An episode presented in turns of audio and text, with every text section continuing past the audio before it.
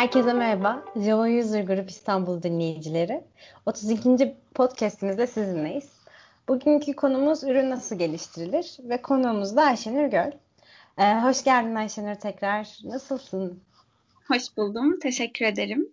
Ee, sen nasılsın? Valla iyiyim ben de. Sen geldin daha da iyi oldum. Çünkü çok güzel bir konumuz var. Ee, çok teşekkür ederim. Ee, umarım dinleyenler de keyif alır dinlerken. Umarım.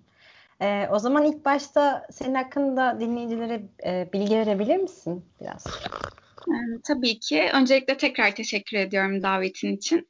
Ee, bu benim ilk podcast'ım. Bu nedenle terminoloji konusunda bir eksiğim olursa e, hem dinleyicilerin hem de senin aklına sığınıyorum şimdiden. Ee, kronolojik bir sıraya uyarak ilerleyeyim o zaman. Ee, Yıldız Teknik Üniversitesi Matematik Mühendisliği mezunuyum. Ee, e-ticaret altyapı yazılımları ve dijital e, büyüme yöntemi e, çözümleri sunan bir teknoloji şirketinde Inmeon'da yaklaşık 3 yıl kadar proje yöneticisi olarak çalıştım. E, ardından ürün yönetimi alanında ilerlemek istediğime karar verdim. E, bir buçuk iki yıl kadardır da Emlakşet'teyim. E, burada da ürün ve proje yöneticisi olarak çalışıyorum.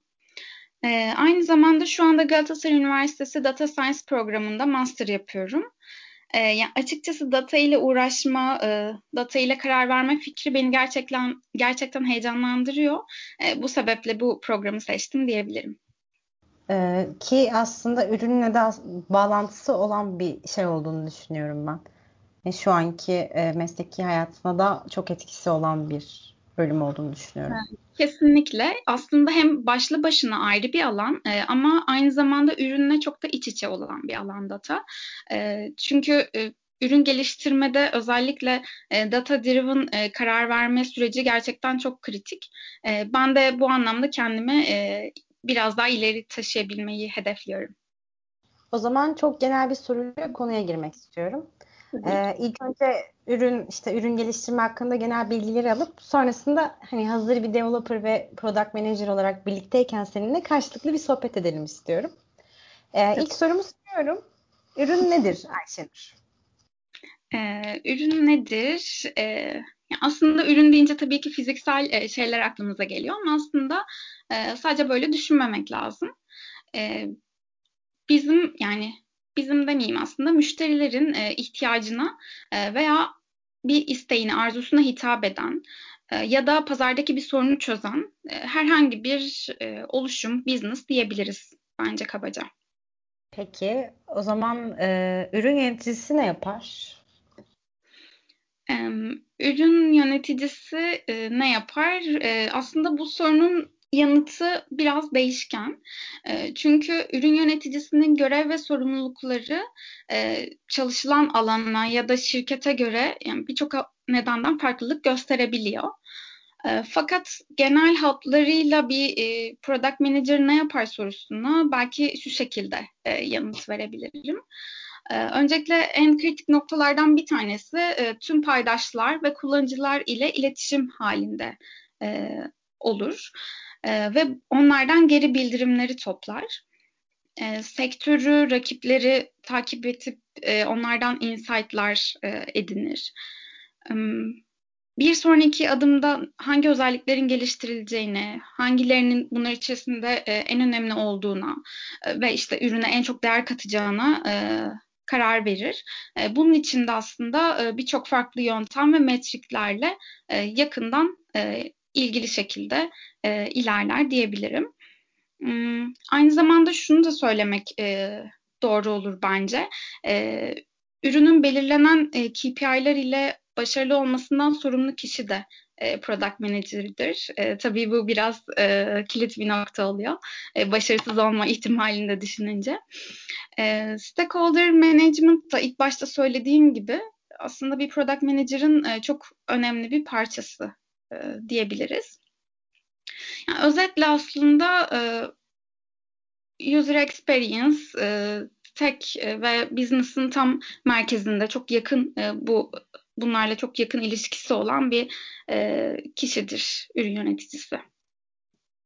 Aslında ilk dediğin gibi e, yani genel bir tanımı olmuyor çünkü şirketin kültürüne, ürün geliştirme tarzına göre işte başka şirketlerde öğrendiğin şeyleri yeniden öğrenmen gerekebiliyor ürün konusunda. Kesinlikle öyle. Ee, yani yaptığın görev ve sorumluluklar da değişebiliyor. Zaten ürün başlı başına e, değişebiliyor. E, aynı şirkette çalıştığında dahi çok farklı ürünler üzerinde çalışabiliyorsun. E, bu sebeple aslında e, birçok farklı e, değişken e, noktalar var diyebiliriz. Peki hani genel hatlarıyla aslında biliyoruz product manager ve işte product owner arasında ilişkilerini ya ne yaptıklarını.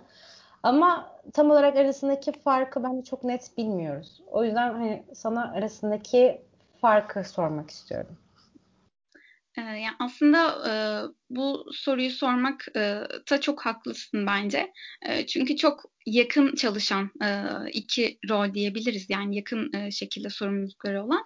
E, bu yüzden e, bence bu soru çok e, doğru. E, herkesin belki aklında olan bir şeydir. Evet dediğim gibi aslında çoğu zaman bu iki rolün arasında kesin bir çizgi çizmek gerçekten zor. Çünkü hem ürün yöneticisi hem de e, ürün sahibi e, ortak hedefler, e, ortak bir hedef aslında doğrultusunda çalışıyor. Bu da işte müşteriler ve şirket içindeki tüm e, diğer paydaşlar için anlamlı, değer yaratan ürünler geliştirmek. E, bu nedenle bazı alanlarda e, kesişiyor e, çalışma alanları. Ve tabii ki birbirinden ayıran e, noktada belki sorumlulukları diyebiliriz. E, ürün yöneticisi e, kullanıcıların neye ihtiyacı olduğunu e, keşfeden kişi diyebiliriz. Ardından neyi yani daha sonra neyi inşa edeceklerine öncelik verir. Bunları keşfetmeye çalışır ve daha çok task bazında değil de e, strateji bazında bir roadmap belirler ve ekibi de yani tüm ekibi de bu product roadmap etrafında toplar.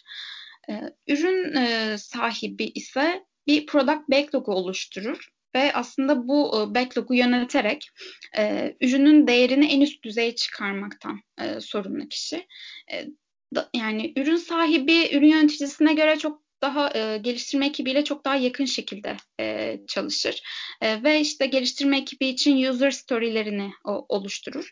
E, Scrum sürecine katılır ve aslında e, ekibe o müşterinin e, sesi e, diyebileceğimiz tabiri caizse e, bu evet, müşterinin e, evet müşterinin sesini iletir aslında bir nevi. E, bir de şunu söyleyebilirim hani e, toparlayacak olursak. E, product Manager bir ürünün uzun vadeli vizyonu ve stratejisinden sorumlu olup hani daha büyük resme odaklanan kişi e, dersek product owner daha spesifik bir odakta ve işte geliştirme ekibiyle dediğim gibi daha yakın e, şekilde çalışan bir kişi e, diye söyleyebiliriz. Aslında yazılımcılar genellikle ürün geliştirme süreçlerinin e, kendi yer aldıkları işte kod tarafı, test, kurulum aşamalarını biliyor ve bu süreçlere değen süreçleri biliyor bir miktar diyebilirim. Peki ürün geliştirme sürecinde baştan sona hangi aşamalar var? Aslında bu e, çok uzun da bir e, yol aslında. E, ben hani bunu biraz daha özetleyerek, biraz daha üzerinden kısaca bahsederek açıklamaya çalışayım elimden geldiğince. Öncelikle bir ürün geliştirilecek diyelim. Bu ürünün kullanıcısı kim? İşte use case'leri neler? İhtiyaçlar ve pain point'ler neler? Ee, bunları öğrenmek ve araştırmak gerekiyor çok detaylı şekilde. Ee, bu araştırma süreci için de e, birden farklı e, çok sayıda yöntem var. Ee, bunları örnek verecek olursam mesela kullanıcı anketleri, e, NPS'ler yapabiliyoruz. Kullanıcı görüşmeleri yapabiliyoruz. Tabii malum Covid şu anda. O yüzden bunları yapamasak da öncesinde deneyimlemiştik diyebilirim. Tüm e, paydaşların aslında e, tüm paydaşlardan geri bildirimleri e, toplar. E, paydaşlardan, kullanıcılardan ve metrikleri takip ederek e, bir analiz e, süreciyle bir çıkarım e, yapar aslında. Ne iyi ne kötü vesaire bu e, ürünle alakalı. Ee, örneğin bir eğer e, app geliştiriyorsak App Store'daki review ve ratingleri e, takip etmek e, faydalı olur. Ee, bunun haricinde sektördeki rakipleri, e, pazarın e, benchmarkını yaparak e, aslında bu ürüne, geliştirilecek ürüne farklı bir perspektif edinerek aslında bakmak faydalıdır. Hmm, bunun dışında aslında şu da bence e, buna ek olarak yapılabilecek bir şey e, diyebiliriz. Mesela yeni bir feature e, fikrini belirlerken e, belki de hani daha o ihtiyaç ya da sorun haline gelmeden e, bir fikir üretebilmek ve aslında bir inovasyona önce olabilmek belki de o şirketi bir adım öne taşıyacak e, aslında şey.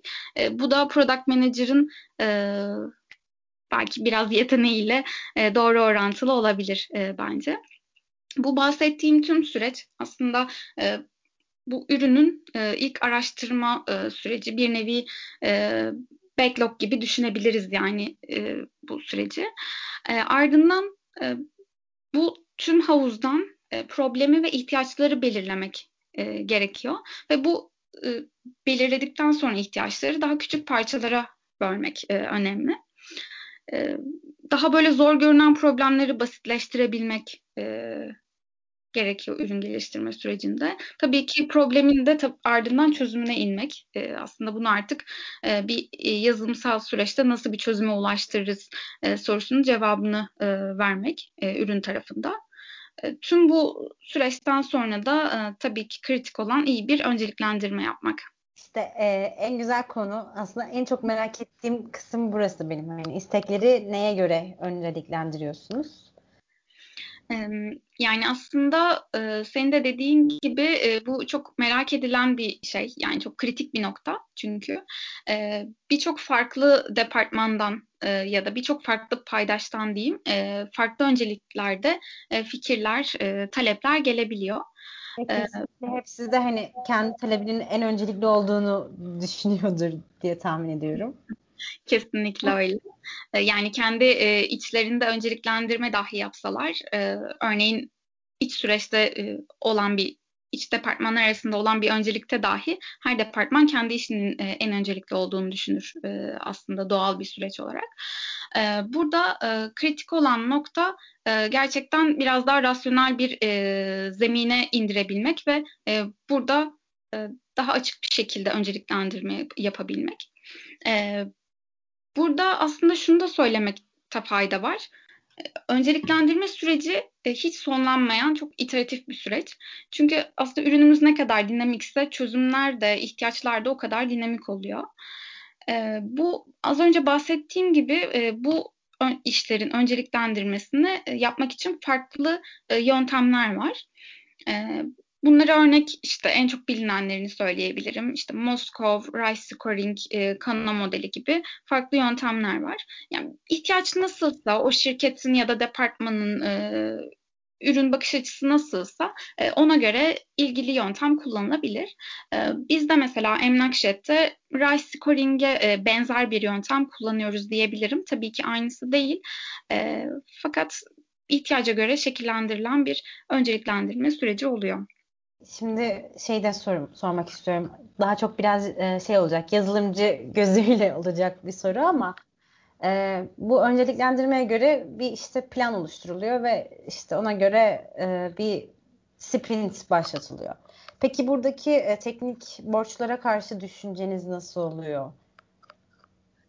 Aslında e, bu soruda sadece teknik olarak e, yine düşünmüyoruz. Yani e, nasıl bir örneğin pazarlama departmanı bizim için e, bir e, paydaşsa e, yazılımdaki, IT'deki bir talepte e, bir paydaş. E, burada da yine aslında o havuza atıp yine o skorlama modelinden bir sonuca ulaştırıyoruz.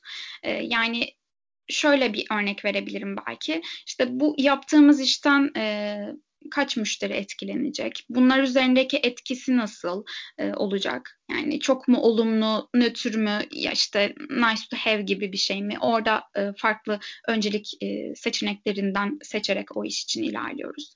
İşte e, belki bizim açımızdan söyleyeyim işte conversion e, metriğimize olan etkisi nedir gibi birçok farklı e, örnekler yani alanlar üzerinde puanlamalar yapıyoruz. E, yine IT üzerinde de e, buradaki metriklere göre olan puanlarını mesela örneğin conversion'a çok kritik bir etkisi vardır. Zaten oradan puanı yükselecektir gibi.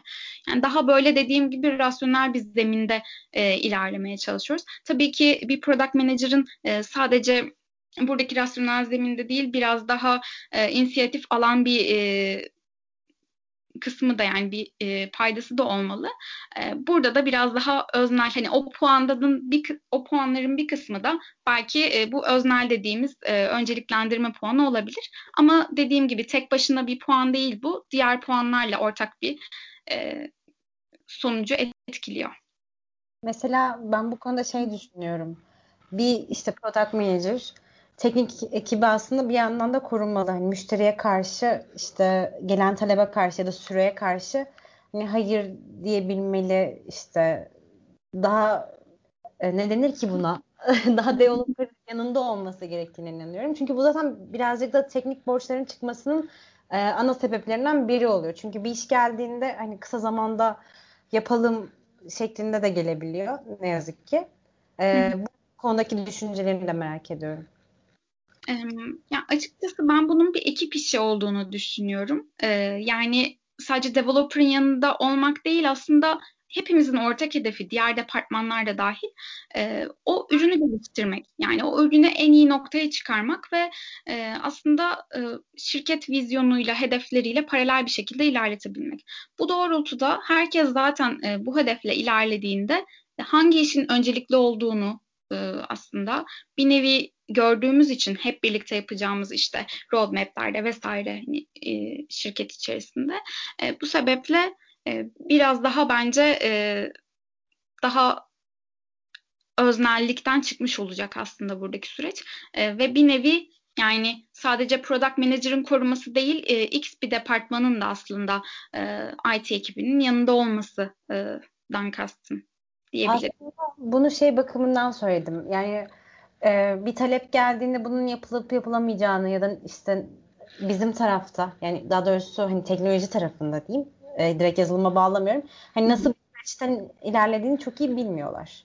Ama işte biz aynı ekipte e, olarak işte bir şekilde biliyoruz hani işleyişimizin nasıl ilerlediğini. Yani bir işte product manager'ın e, belli bir seviyede de, developer'ın dilinden anladığını düşünüyorum. Hani konuştuğumuz şeylerden, işleyişten hani bir bilgi seviyesi var. Hani aslında korumak derken bunu kastettim. Hani yazılımcıyı en iyi anlayabilecek göz sizsiniz çünkü. E, tabii ki. Yani aslında burada biraz daha product manager'ın e, teknik e, biraz daha altyapısı olması faydalı olabilir bu durumda. Ve aslında oradaki ürün hakimiyeti bence. E, gelen talepleri e, yani gelen talepleri direkt şu şekilde e, ilerletmemek e, kritik. Yani böyle bir istek var, bu işin yapılması şeklinde değil. Tamam böyle bir istek var ama bunu neden istiyoruz? Yani oradaki e, nedene gitmek, soruna gitmek ya da ihtiyaca e, gitmek buradaki en e, kritik noktalardan birisi. Yani bir product manager'ın e, en önemli noktalarından, e, sorumluluklarından bir tanesi bu olmalı bana kalırsa. Çünkü direkt mesela bir çözümle e, gelen talepler oluyor bu çözümle gelen talep değil asıl soruna e, soruna inmek ve buna göre çözümü belki de daha iyi bir şekilde e, kendisi tarafında e, aslında oluşturmak, üretmek. E, böylelikle dediğin gibi aslında yazılım ekipleriyle de e, diğer de, hem diğer departmanların e, ihtiyacı ya da sorunu giderilmiş hem de yazılım ekiplerine daha uygun bir çözüm e, üretilmiş olacak. Yani aslında e, burada ana hedef e, kullanıcı olmalı. Yani kullanıcı odaklı gerçekten. E, oradaki ihtiyaç ve sorunların çözümü e, odaklı bir yaklaşım e, olmalı diye düşünüyorum. Gerçekten hani talepler gelirken şey oluyor mu böyle işte daha çok sorunu anlatmak yerine işte böyle bir şey olsun tarzında bir bakış e, bakış açısıyla geliyorlar mı size? Kesinlikle öyle. E, yani örneğin e, daha önceki iş deneyiminde de e, burada da gördüğüm kadarıyla e, direkt işte biz şunu istiyoruz şeklinde bir yaklaşım e, çok e, karşılaştığımız bir durum. Bunu da bu arada doğal karşılamak lazım. Sonuçta orada gördüğü bir şey istiyor ama burada bir product manager'ın gerçekten e, ana sorumluluklarından bir tanesi oradaki e, asıl soruna inebilmek. Yani burada şu an e, biraz daha departman özelinde konuşuyoruz. E, fakat bu bir son kullanıcı da olabilir. Yani e, B2C tarafta da son kullanıcının belki son kullanıcı X bir şey istiyor ama onu neden istiyor? Gerçekten onun neden ihtiyacı var? Bunu bulmak. Belki o diğer firmada yani e, diğer bir rakipte gördüğü özellikten çok daha iyisi geliştirilebilir bu tarafta. Ama nasıl geliştirilebilir? O sorunu gerçekten anlayabilirsek. Yani buradaki ana e, anahtar diyeyim e, bu aslında. Kullanıcıların ihtiyacını ve problemlerini e, derinine inmek, bunu anlayabilmek. Ardından da çözümler üretilecektir zaten. Kesinlikle. Zaten sorunu tam olarak anlatmadıklarında tahmin ediyorum ki şey de oluyordur. Hani ben bunu istemiştim ama böyle bir şey oldu gibi ekstra daha farklı problemler e, doğurabiliyordur müşterilerin gözünden de. E, yani aslında e, orada biraz daha sorun odaklı ya da işte e, ihtiyaç odaklı gidildiği için e, günün sonunda iyi bir şekilde e, onboarding'i de yapıldıktan sonra e, iyi tepkiler alınabileceğini e, düşünüyorum diyebilirim. Yani orada zaten e, ürün geliştirmenin her adımında tüm e, paydaşlarla iletişim halinde olunmaya çalışılıyor. E, böyle bir e, yapıyla da ilerlendiğinde sonunda değil de zaten yapı e, oradaki ilerleyiş aşamasında o paydaşın bilgisi olduğundan e, çok da problem olmaması gerekir diye düşünüyorum şahsen. Ya bir yazı okudum aslında tam net de hatırlayamıyorum ama e, genel e, içeriğini söyleyeceğim. Yorumunu aslında çok merak ediyorum şu an. İşte e, bir product manager kötüyse e, işte o şirket miydi ya da ürün müydü bilmiyorum ama işte kötüdür diye bir genelleme e, yapılmış. Yani product manager'ın e, iyi olmasıyla bunu bir doğru orantıya koymuşlar. Ya bu konu hakkında ne düşünüyorsun? Ki ben katılıyorum bu arada. Evet yani aslında e, bir önceki sorularda hangisini de hatırlamıyorum ama e, şeyden bahsetmiştim. E, aslında ürünün e, belirlenen KPI'lerdeki e, başarısı aslında yani bundan sorumlu, başarıdan sorumlu kişi product manager'dır gerçekten. E, ve tam tersi de aslında başarılı olmaması da e, bir nevi e, bununla e, doğru orantılı kesinlikle. E, o yüzden çok kritik bir öneme sahip, e, çok stratejik bir öneme sahip.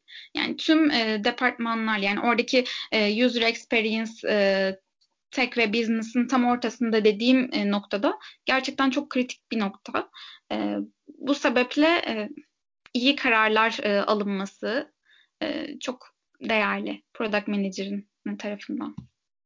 Peki düşününce işte hem iletişim konusunda işte iyi biri olması gerekiyor hem teknik bilgisinin olması gerekiyor. Aslında analitik, an, eh, konuşamadım. analitik düşünme zaten olması gereken bir şey. O zaman sıradaki soruma geçeyim. Tamam. Hazır zaten bunları konuşmuşken e, yani genel olarak yazılımcı ve işte ürün yöneticisinin isteklerini birazcık söyledik. Peki e, daha da detayına inersek ürün yöneticisinin yazılımcıdan beklentisi nedir? Hmm. Açıkçası e, bu soruya biraz öznel bir yanıt vereceğim. E, çünkü hani sorunun yanıtını kendi perspektifimden görerek yanıtlıyorum. Açıkçası bunun doğrusu nedir e, çok da emin değilim. Bu arada tabii bu sorunun sadece bir yazılımcı diye e, kısıtlamak da istemem. Çünkü hani yazılım ekibiyle çalışıyorum. Bir ekip arkadaşından beklentim e, demek isterim e, aslında bu soruya. E, neler beklerim? Öncelikle yaptığı işin e, ne olduğunu ve neden yaptığını sorgulayıp anlamalı. Bence bu çok kritik bir nokta. E, ürün ve şirket e, aslında hedeflerimizi, o karlarımızı e, ortak bir paydada paylaşmalı. Yani bunların bilincinde olmalı ve ne yöne gidiyoruz e, bilincinde e, olan biri olmalı. E, bir sonraki adımı da düşünmeli. Yani örneğin işte bunu geliştiriyoruz ancak gelecekte işte şu talep de gelirse e, kod yapısını buna göre kurmalıyım e, öngörüsü olmalı. E, böylelikle aslında o ürünü daha iyi geliştirebilecek bir noktaya e, gelebiliriz e, zaman ilerledikçe. Hmm, araştırmacı olmalı tabii ki, öğrenmeyi seven biri olmalı. E, yani bu konuda şöyle düşünüyorum, yani o bir yazılımcı aslında yapamayız e, demek yerine, yani yazılımcı dedim ama yine e, bir arkadaşı e, aslında yapamayız e, bu, bu işi demek yerine nasıl yaparız? Evet şu an bilmiyorum nasıl yapacağımızı ama nasıl yaparız yaklaşımını benimseyen biri olmalı bence. E, ya belki benimle aynı fikirde olmayanlar olacaktır ama bence yazılım dünyasında e, yapılamayacak e, bir şey e, çok kolay kolay yoktur. E, o yüzden biz bilmiyoruzdur ve bunu nasıl yapacağımızı öğrenmemiz gerekiyordur diye düşünüyorum şahsen. Bilmiyorum tabii sen bu konuda ne düşünüyorsun ama. Zaman kavramı falan da giriyor bence burada. Ya, beklenenden daha maliyetli olabilir. Hani bunu kaldırabilecek miyiz? Bu muhabbetleri de giriyor biraz. Yapılamaz, yapılamaz diye bir şey bence de yoktur. Ben de öyle düşünüyorum. Yani ekstrem şeyler olmadığı sürece. Ama işte maliyet vardır. Tabii ki. Ama hani e, bu maliyeti belirledikten sonra önceliklendirmede belki e, bahsettiğim e, örneğin hani bir model, önceliklendirme modeli kullandığımızdan bahsettik. Orada e, efor da bizim bir paydamız aslında. E, bu nedenle efor arttığında önceliği düşebilir bu işin. Ama bir şekilde e, yapabildiğimizi bilmek bence çok kritik bu anlamda. E, buna ek olarak fikirlerini paylaşıp ürüne katkı sağlamaktan çekinmemeli bence. Çünkü her bir e, bireyin gerçekten o ürün hakkındaki e, fikirleri, e, etkisi, e, çok katkısı çok değerli olduğunu düşünüyorum. E, bir de ürüne hakimiyet tabii ki. E, çünkü o ürüne hakim oldukça daha e, iyi bir e, ürün geliştirebiliriz. Böyle bir takım arkadaşı olmasını beklerim demek e, uygun olur sanırım. Aslında hani ürün hakkında bilgi edinmesi ya da işte hakim olması diyoruz ya. Birazcık burada da product'a pay düştüğünü düşünüyorum ben. Yani bunun aktarımı konusunda. Ki aynı şekilde hani e, daha böyle teknik konularda da bize pay düşüyor bence. Hani bir, bir işte product ekibinden birine hani bu detayı bizim aktarabiliyor olmamız gerekiyor. Aynı şekilde ürünün de bunu yapması gerektiğini biraz düşünüyorum. Hmm, yani ben e, kesinlikle katılıyorum. E, bu arada gerçekten yazılım ekibiyle e, yakın çalışmayı seven bir insanım e, şahsen ve e, öğrendiğim her bir bilginin çok değerli olduğunu düşünüyorum. E, seninle de hani çalıştığımız için e, belki e, bu konuda e, bilgin yani farkındasındır diyeyim. E, ko yani konuda alışık birisin sen. yani alışık olmaya çalışıyorum e, diyelim. Hani bu yönde çabalıyorum. E, ama hani e, her bir e, bilgi bence gerçekten çok değerli. E, çünkü empati yapmak da bence önemli bu anlamda. E, o tarafı karşılıklı birbirimizi anlamak adına. E, burada e, bu nedenle ben e, hem karşı taraftan öğrenmek hem de kendimden hani yani bir product manager olarak gerçekten ürün akışı e, üzerinde bir e, bilgi paylaşımı sağlamak e, sana da katılıyorum aynı şekilde çok değerli bence de. Peki e, sen e, ben aynı soruyu sana yönelteyim biraz böyle ters olacak. E, bir yazılımcının e, ürün yöneticisinden beklentisi nedir? E, bunu sormak istiyorum. Ee, ilk olarak ya bir ürün yöneticisi tabii ki de business'a tamamen hakim olması gerektiğini düşünüyorum. Ee, onun dışında ben kod bilgisi yani tabii ki de hani şey değil böyle işte bizimle grooming'e katılacak işte o taskları tam böyle bilecek gibi bir şey beklemiyorum ama e, bir nevzede işte ya atıyorum şu ya hani işte burada şu job çalışıyor şeklinde bir bilgisi olması gerektiğine inanıyorum. Ya da işte burası event ile yönetiliyor ya da işte iki saat sonra çalışacak buranın şeyi falan diye bu bilgilerin olması gerektiğine inanıyorum ben. Teknik bilgilerin. Anladım. Tabii ki bir de teknik e, borçlar konusunda ben galiba birazcık e, hassasım. hani product manager'ın bu konuda ekibi anlaması gerektiğini düşünüyorum. Yani tabii bazı durumlar oluyor işte borç bırakılması gerekiyor ama işte burada bir karşılıklı anlayış olmalı bence. Çünkü e, belki de burada da bizimle alakalı bir durum olabilir diye düşünüyorum şu konuda yani. E, işte hani teknik borç var oluş, oluşacak deyip geçmemeliyiz. Size hani bunun sebeplerini işte bu işi şöyle yaparsak şu kadar artacak ama artısı bu olacak. Ama şöyle yaparsak da şurada boş kalacak. Bak bu da ileride böyle problemlere e, yer açacak diye belirtmemiz gerekiyor belki. Ama hani karşılıklı bir anlayışla bu sürecin de yönetilmesi gerektiğine inanıyorum ben. Yani kesinlikle şöyle zaten ortada bir teknik borç varsa bu ürünün borcudur. Ve doğal olarak tüm ekibi etkileyen bir borçtur açıkçası. Burada gerçekten o teknik borcun öneminin belki doğru şekilde, etkili şekilde aktarılması ve buna göre de bir önceliklendirme yapılması ihtiyacı kritik diye anlıyorum. Ben de buradan e, kendime notumu alıyorum diyeyim sana.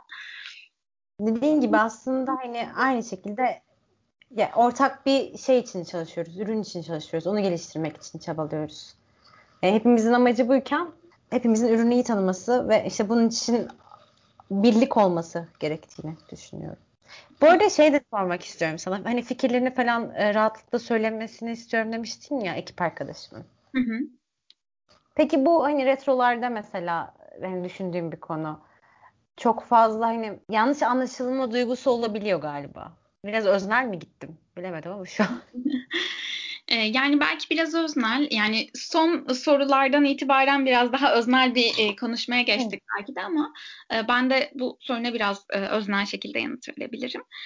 E, açıkçası ben retroların biraz daha yanlış anlaşılma korkusundan ziyade daha böyle açık şekilde olması taraftarıyım. Çünkü burada zaten kimsenin bir kişisel bir yaklaşımı e, olmadığının bilincinde olarak bu işi nasıl geliştirebiliriz algısıyla fikirler öne sürdüğünü bilmek gerekiyor. E, zaten hani o işi nasıl iyileştirebiliriz noktasında herkes de kendine e, üzerine düşen sorumluluğu yapması gerektiğinden yani bunu kişisel algılamayıp gerçekten evet bu doğrudur ya da yanlıştır ama neden böyle vesaire biraz daha üzerine düşünülmeli. Ben bu konuda daha böyle açık olunması taraftarıyım açıkçası. Eleştiri aslında e, hepimizin açık olması gerekiyor. Belki birazcık da üslupla da alakalı. Hani doğru bir feedback vermek gerekiyor karşı tarafa. Kesinlikle. Yani e, burada dediğim gibi biraz daha öznel olacak. İşte retrodaki belki e, yaklaşım da hani e, öznel olabilir ama bundan uzak olmalı ve daha e, aslında rasyonel bir düzeyde gerçekten o ürünü nasıl geliştirebiliriz e, yaklaşımıyla e, feedback verilmeli. E, burada e, artılar eksiler e, tabii ki e, çok açık bir şekilde tartışılabilmeli retrolarda. Kesinlikle. Bu arada e, developerlar işte e, yorum yapmalı ürünün gelişimi hakkında dedin ya. Hı. Bu konuda en çok yorum yapan insanlardan biri olduğumu düşünüyorum. Kesinlikle. Evet. Şunu da yapabiliriz bence şu da olmalı diye. Bence Kesinlikle. daha şey e, farklı bir perspektif açıyor çünkü. Hani bizim için de. Kesinlikle öyle. Yani aslında ben bunu da biraz şeye bağlıyorum. Ee, başta da konuştuğumuz gibi bu ürün e, yani bu ürün sürecine, bu e, geliştirilen şeye gerçekten e, kendinden de bir parça koymak yani bunu sahiplenmek yani bu bir ekip işi kesinlikle e, ve bu ekibin bir parçası olduğunun bilincinde olmak bence kritik. E, bu anlamda da e, biraz da aslında bu yüzden söyledim. Yani fikirlerini söylemek bence çok kritik. Yani bir yazılımcının e, geliştirdiği ürün ya da işte e, bir e, feature ile alakalı e, herhangi bir paylaşım yapması, öneride bulunması e, doğru ya da yanlış hiç fark etmez. Belki zaten bunun doğrusu yanlış yoktur tabii o da var. E, bence çok değerli. Yavaş yavaş yayının sonuna doğru geldik.